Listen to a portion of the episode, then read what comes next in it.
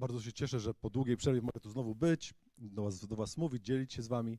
Jak modliłem się na tym spotkaniu, e, usłyszałem słowa Pana, Ducha Świętego. Wierzę, że to był Duch Święty w moim sercu. Słyszałem takie zdanie, może to jest do kogoś, może to było do mnie. Oddaj inicjatywę. Oddaj Bogu inicjatywę. I takie, wiecie, potem przyszło zrozumienie, zachęta, że Bóg ma naprawdę możliwości. Że Bóg ma naprawdę, powiem w cudzysłowie, układy. On ma znajomości. On wie, jak co, powiem znowu w cudzysłowie po ludzku, załatwić. I słyszałem to w sercu, oddaj mu inicjatywę.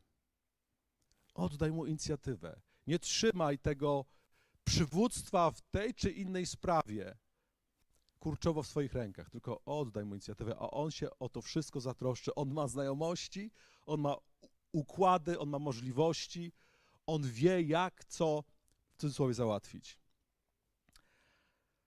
E, kiedy czytamy księgę Ezechiela, moi drodzy, kiedy czytamy księgę Ezechiela, to tak nawet czasami po ludzku, czytając ją, czujemy się zmęczeni.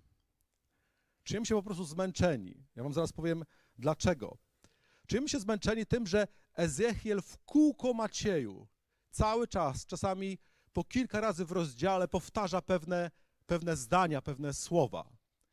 Ja bym chciał, żebyśmy teraz taki modelowy fragment Bożego Słowa z Ezechiela 27.1 sobie tutaj zaraz wyświetlili. On w kółko powtarza pewne słowa. Ta fraza, Pan skierował do mnie te słowa, występuje dokładnie w tej formie w różnych przekładach w księdze Ezechiela ponad 50 razy. Ponad 50 razy. Są jeszcze inne formy, kiedy jest napisane, że Bóg pokazał mi, albo Bóg powiedział: Zrób to czy tamto, albo Pan skierował do mnie słowa. Tam jest też inne, powiedział Pan, albo Jahwe przemówił. Tych innych fragmentów, które mówią o tym, że Bóg coś od, od Ezechiela chciał, coś do niego powiedział, skierował do niego jakieś słowo, jakieś przekonanie. Myślę, że jest ponad 100. Ponad 100. Cały czas, kiedy czytamy księgę Ezechiela, napotykamy właśnie na tego typu fragmenty. Pan skierował do mnie te słowa. W różnych przekładach, pozwólcie, że przeczytam. I doszło do mnie słowo Pana mówiące. To jest inny przekład tego fragmentu. I Pan przemówił do mnie w te słowa, i stało się do mnie słowo Pana tej treści. Przybyło do mnie słowo Pana i rzekło: Jahwe skierował do mnie te słowa. Cały czas, kiedy czytamy Księgę Ezechiela, jak wejdziecie sobie i przeczytacie sobie Księgę Ezechiela, to cały czas spotykamy się właśnie z czymś takim, że Bóg kieruje do Ezechiela słowo. Dlaczego Bóg mówi do Ezechiela? Dlaczego Bóg mówi do Ezechiela? Bo Bóg jest Bogiem mówiącym. Wiemy o tym. Bóg do nas mówi. Kiedy ostatnio Bóg do ciebie coś powiedział? Kiedy ostatnio doszło do ciebie słowo Jahwe? Kiedy ostatnio Bóg skierował do ciebie jakieś przesłanie, jakiś obraz, jakąś zachętę? Ważne, żebyśmy sobie te, tego typu pytania zadawali jako ludzie wierzący, jako ludzie, którzy uznają się za uczniów Chrystusa uczniowie słuchają tego, co mówi do nich ich mistrz, ich nauczyciel, ich mentor, ich trener. Kiedy ostatnio Bóg do ciebie coś powiedział? Wiecie, a Bóg mówi. Bóg mówi do nas i Bóg chce do nas mówić. Bóg chce naprawdę do nas przemawiać. Bóg chce naprawdę nam, nam radzić, nas korygować, dawać nam wskazówki, w jakiś sposób kierować naszym życiem, mieć w naszym życiu inicjatywę. Dlaczego Bóg mówił właśnie do Ezechiela? Wiecie dlaczego? Po pierwsze dlatego, że Ezechiel go słuchał. Ezechiel go słuchał. Jak jest napisane tam, Pan skierował do mnie te słowa, w innym przykładzie, i doszło do mnie słowo. Doszło do mnie słowo, to znaczy usłyszałem je. Bo to, że Bóg do nas mówi, to jest obiektywna prawda, ale to jeszcze nic nie znaczy. Czy ty, czy to słowo, które Bóg do ciebie kieruje, czy ono do ciebie dochodzi? Czy ono do ciebie dochodzi? Czy ty je słyszysz? Bóg mówił do Ezechiela, bo Ezechiel go słuchał. I drugi powód, dla którego Bóg mówi do Ezechiela, jest taki, że Bóg wykonywał, przepraszam, że Ezechiel wykonywał słowo, które usłyszał od Boga. Bóg mówił i to słowo dochodziło do uszu i do serca Ezechiela i Ezechiel wykonywał to słowo, które usłyszał. Proste, banalne, 10 razy żeśmy to słyszeli już w tym roku pewnie i 125 razy w całym swoim życiu, ale to jest bardzo istotne. To jest bardzo istotne, czy my słuchamy głosu Pana, czy to, to, ten głos Pana do nas dochodzi. I czy my za tym głosem Pana idziemy. To jest, to jest clue, to jest esencja, to jest, to jest sedno chrześcijaństwa. Dlaczego ludzie nie słuchają? Bóg mówi, ale dlaczego ludzie nie słuchają? Przede wszystkim dlatego, wiecie, że Bóg mówi w sposób w pewnym sensie specyficzny. O tym żeśmy już kiedyś też rozmawiali. Kiedy jest napisane, że Bóg skierował do mnie słowo mówiące w jednym z przekładów, to jest nie tylko to, że, że, myśmy to, że, że ja to usłyszałem, ale to słowo mówiące, to słowo, które jest w tym akurat przekładzie, akurat nie ujęte, ale w innych przykładach jest to ujęte, to słowo, który, w którym, ten sposób, w który Bóg do nas kieruje swoje słowa, jest nam bardzo niewygodny, ponieważ tam jest napisane, że to słowo ma tryb rozkazujący. Jeżeli Bóg do ciebie mówi, to rozkazuje. Jeżeli Bóg do ciebie mówi, to rozkazuje. Bóg nie mówi, proszę cię, błagam cię, zrób to. Jeżeli Bóg do ciebie mówi, to wydaje ci rozkaz. I nie ma zmiłuj się. Dlaczego nie słuchamy Boga? Bo nie lubimy, jak ktoś nam rozkazuje. Nie lubimy, jak, szczególnie wiecie, w ostatnim czasie, te, jak patrzę, to co się dzieje z ludźmi, to, to, jest, to jest coś niesamowitego. Coś niesamowitego. Pycha, niezależność, głupota, to wszystko się z ludzi wręcz wylewa. Ta kultura, w której funkcjonujemy, nie znosi pojęcia rozkaz. Jak? Ty będziesz mi rozkazywał? Nawet nie mówię w kontekście ludzi, ale nie znoszę rozkazu, nawet takiego rozkazu, który Bóg do mnie kieruje. A Bóg rozkazuje. A Bóg rozkazuje. Bóg nie prosi. Bóg rozkazuje. I jeżeli Bóg do ciebie mówi, to wydaje ci rozkaz. Dlaczego nie słuchamy Boga? Bo nie lubimy, jak ktoś nam rozkazuje. Nie lubimy tego. To jest wbrew naszej naturze, wbrew naszej buntowniczej naturze, która ma swój rodowód w Edenie, w ogrodzie Eden. Dlaczego nie słuchamy Bożego Słowa? Dlaczego nie słuchamy tego? Dlaczego człowiek nie słucha tego Słowa? Ponieważ podświadomie wie, że jak usłyszy Boże Słowo, jak to Słowo do niego dotrze, jak będzie musiał je wykonać, to Słowo Boże zburzy system. zburzy system twojego życia. Zburzy system mojego życia. Bo Boże Słowo burzy system. Bo Boże Słowo odwraca często twoje i moje życie do góry nogami. Jeżeli Bóg mówi, to już nic nie pozostaje takie samo. Jeżeli Bóg mówi, ty to słyszysz i idziesz za tym, to już nic nie pozostaje takie samo.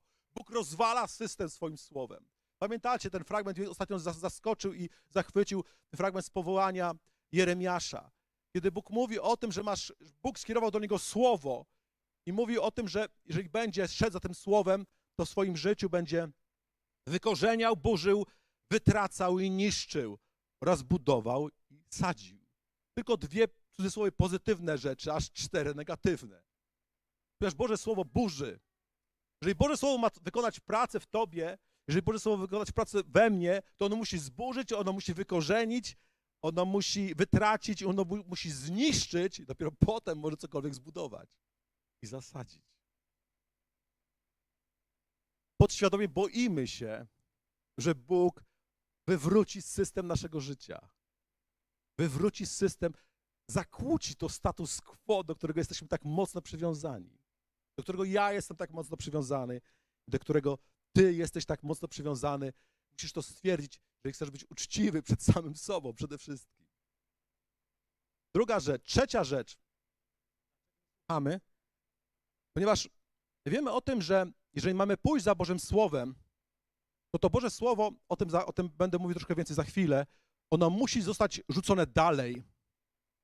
To nie jest tak, że Bóg do ciebie mówi i ty to w, tobie, ty to w sobie kisisz. To Boże Słowo musi być rzucone dalej, ono musi pójść dalej. Ono musi zostać przekazane przez ciebie.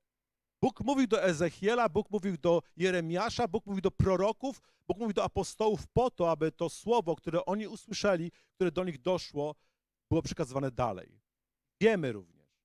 Dlatego nie słuchamy, dlaczego nie idziemy za Bożym Słowem, dlatego również, że wiemy, że ono nam nie przysporzy popularności. Jeżeli będziesz mówił ludziom to, co Bóg do ciebie mówi, to nie przysporzy ci to popularności.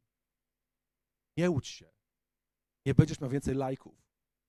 Nie będziesz miał więcej polubień. Niestety, Boże Słowo nie jest popularne. Świat nie chce słyszeć tego, co Bóg mówi dzisiaj. Do człowieka. Do człowieka. Zdajemy sobie sprawę z tego, że kiedy będziemy głosić Boże Słowo, kiedy będziemy je puszczać dalej, nie zyskamy popularności. I nie chcemy tego robić. Ale chcę ci powiedzieć, drogi bracie, droga siostro, drogi słuchaczu, drogi widzu, że to nie jest ważne.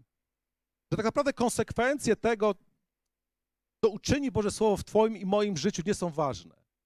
Ważny jest Boży nakaz, abyśmy posłyszawszy Boże Słowo, dzielili się tym Bożym Słowem z innymi ludźmi. To jest najważniejsze. To jest najważniejsze, żebyśmy mówili innym ludziom o tym, co Bóg do nas mówi abyśmy się dzielili tym z innymi ludźmi. Jest taki fragment e, w księdze Kocholeta 4, 17. Jeżeli możemy sobie ten fragment puścić, to byłoby super. Księga, Księga Kocholeta, czwarty rozdział, 17 wiersz. Zważaj na krok swój, gdy idziesz do domu Bożego. Zbliżyć się, by słuchać, jest rzeczą lepszą niż ofiara głupców, bo ci nie mają rozumu, dlatego źle postępują. Jeden z fragmentów, jeden z przekładów mówi to tak, mówi w ten sposób e, na temat tego. Lepiej jest się zbliżyć, by słuchać, niż składać ofiary. Ja dokładnie nie wiem, co autor miał na myśli, ale on mówi coś takiego, że strategiczne jest, kiedy przychodzisz do, do domu Bożego, tam, gdzie mieszka Bóg, kiedy przychodzisz do, na spotkanie, kiedy przychodzisz na, na swoją osobistą modlitwę. Kiedy przychodzisz tam, gdzie jest Bóg, kiedy przychodzisz po to, żeby się z Nim zbliżyć, to strategiczną czynnością, jaką, jaką musisz albo powinieneś zrobić, jest to, aby się do Niego zbliżyć, po to, aby Go słuchać. Nie po to, aby Mu składać ofiary, nie po to, aby się przed Nim chlubić, czy szczycić, czy opowiadać Mu różnego rodzaju historie, czy nawet mówić do Niego, Strategiczne jest to, że jeżeli przychodzisz do domu Bożego, to przychodzisz po to, aby go posłuchać. I autor mówi o tym, że wszystko inne, nawet składanie ofiar, mówi, że to jest, to jest domena głupców. To jest domena głupców, to jest coś, co, co nie powinno być Twoim czy moim udziałem. On kieruje te słowa, zachęcając nas do tego, abyśmy słuchali. Abyśmy słuchali, ponieważ słuchanie jest czynnością strategiczną. Od tego trzeba zacząć. Od słuchania trzeba zacząć. Od tego, co Bóg do mnie mówi, trzeba zacząć swoje życie chrześcijańskie, swoją odnowę, swoje rozpoczynanie od początku w moim i Twoim życiu. Musimy zacząć od uważnego słuchania tego, co Bóg do nas mówi.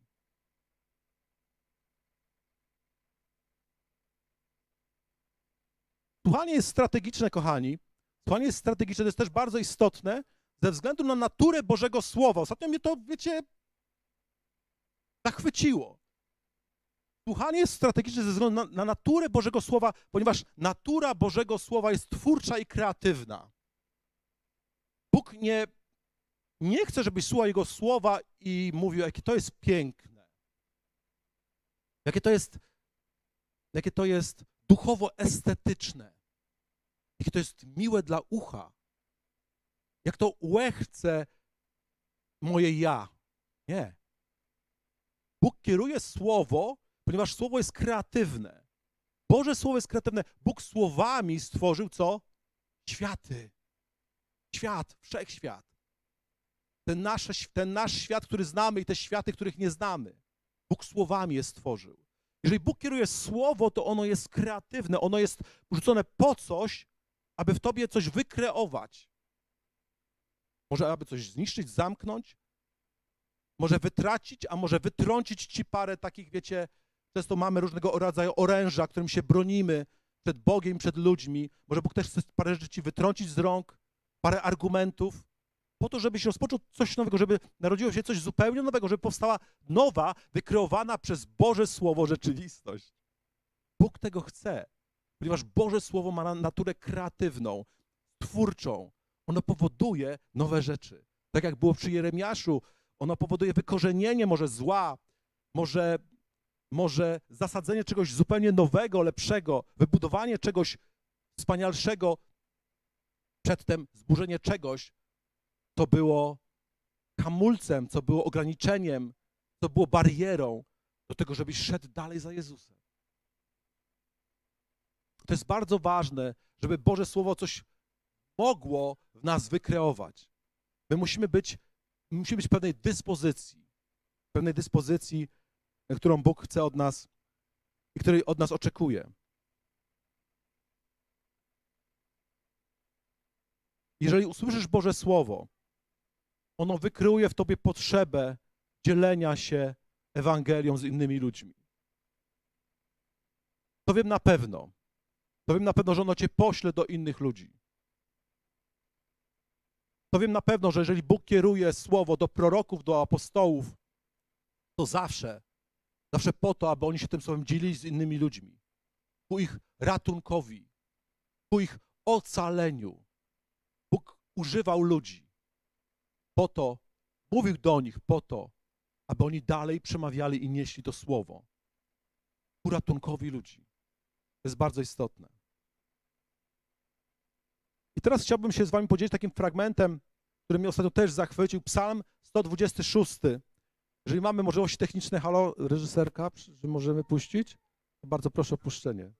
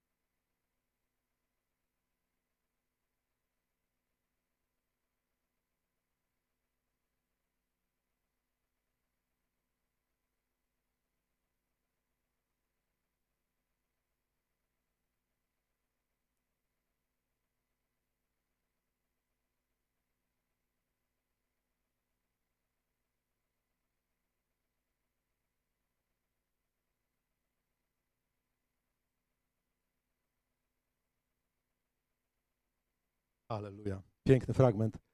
Y, w tamtym tygodniu modliłem się tym fragmentem y, podczas wieczornej modlitwy z moim synem.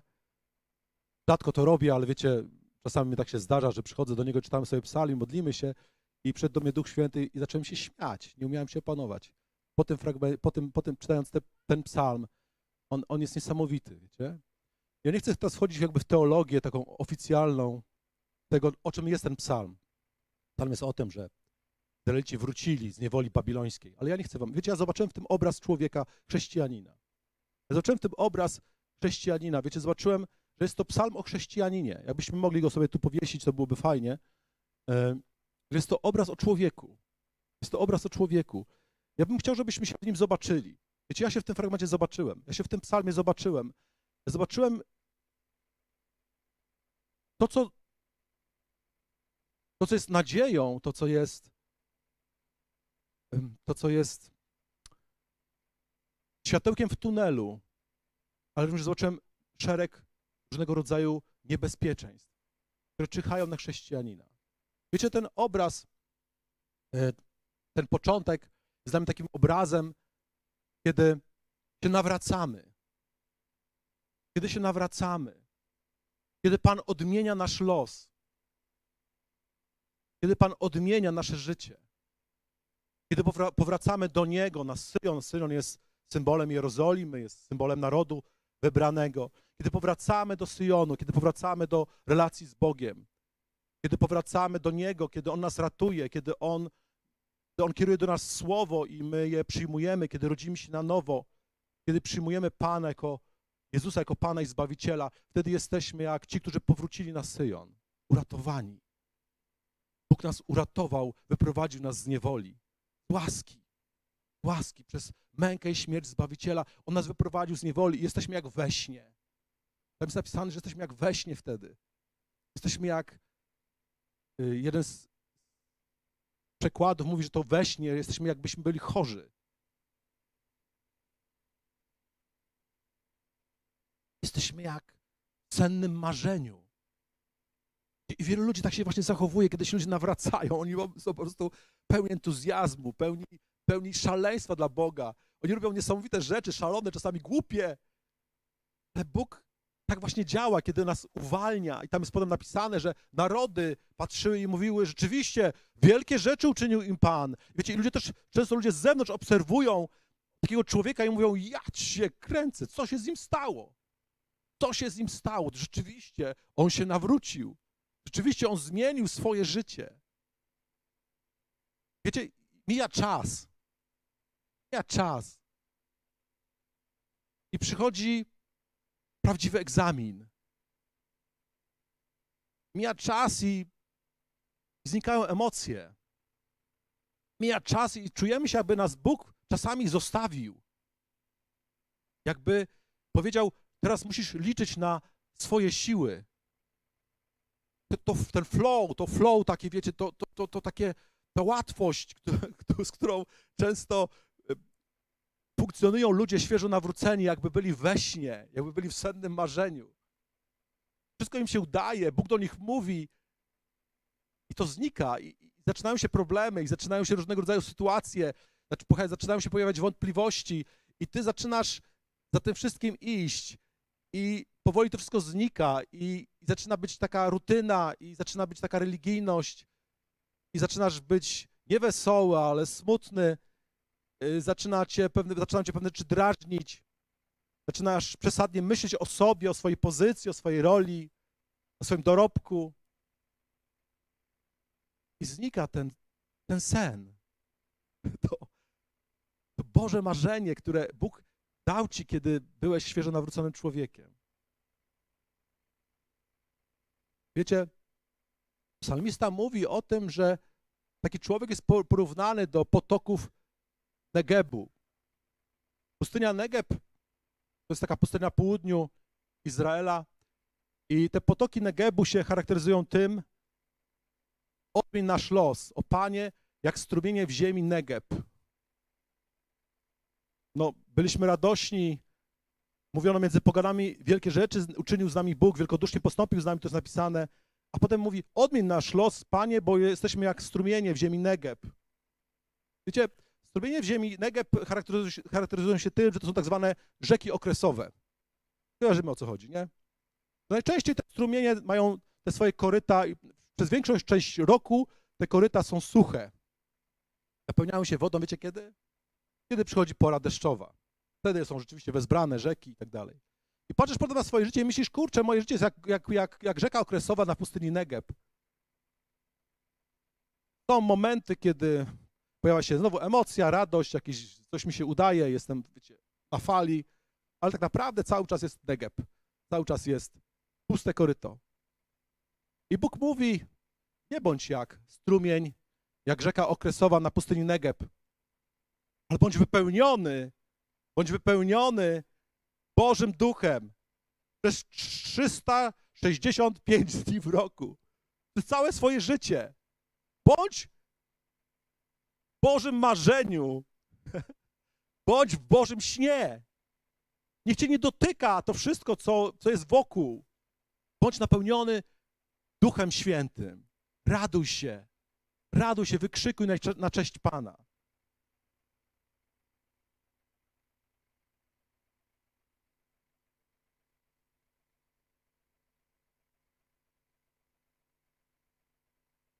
Jak to zrobić? Jak walczyć z moją suchością? Jak walczyć z tymi złymi dniami i momentami mojego życia, które bardzo często są w większości? Wiecie, to nie chodzi o dobry lub zły humor. Rozumiecie, o co chodzi?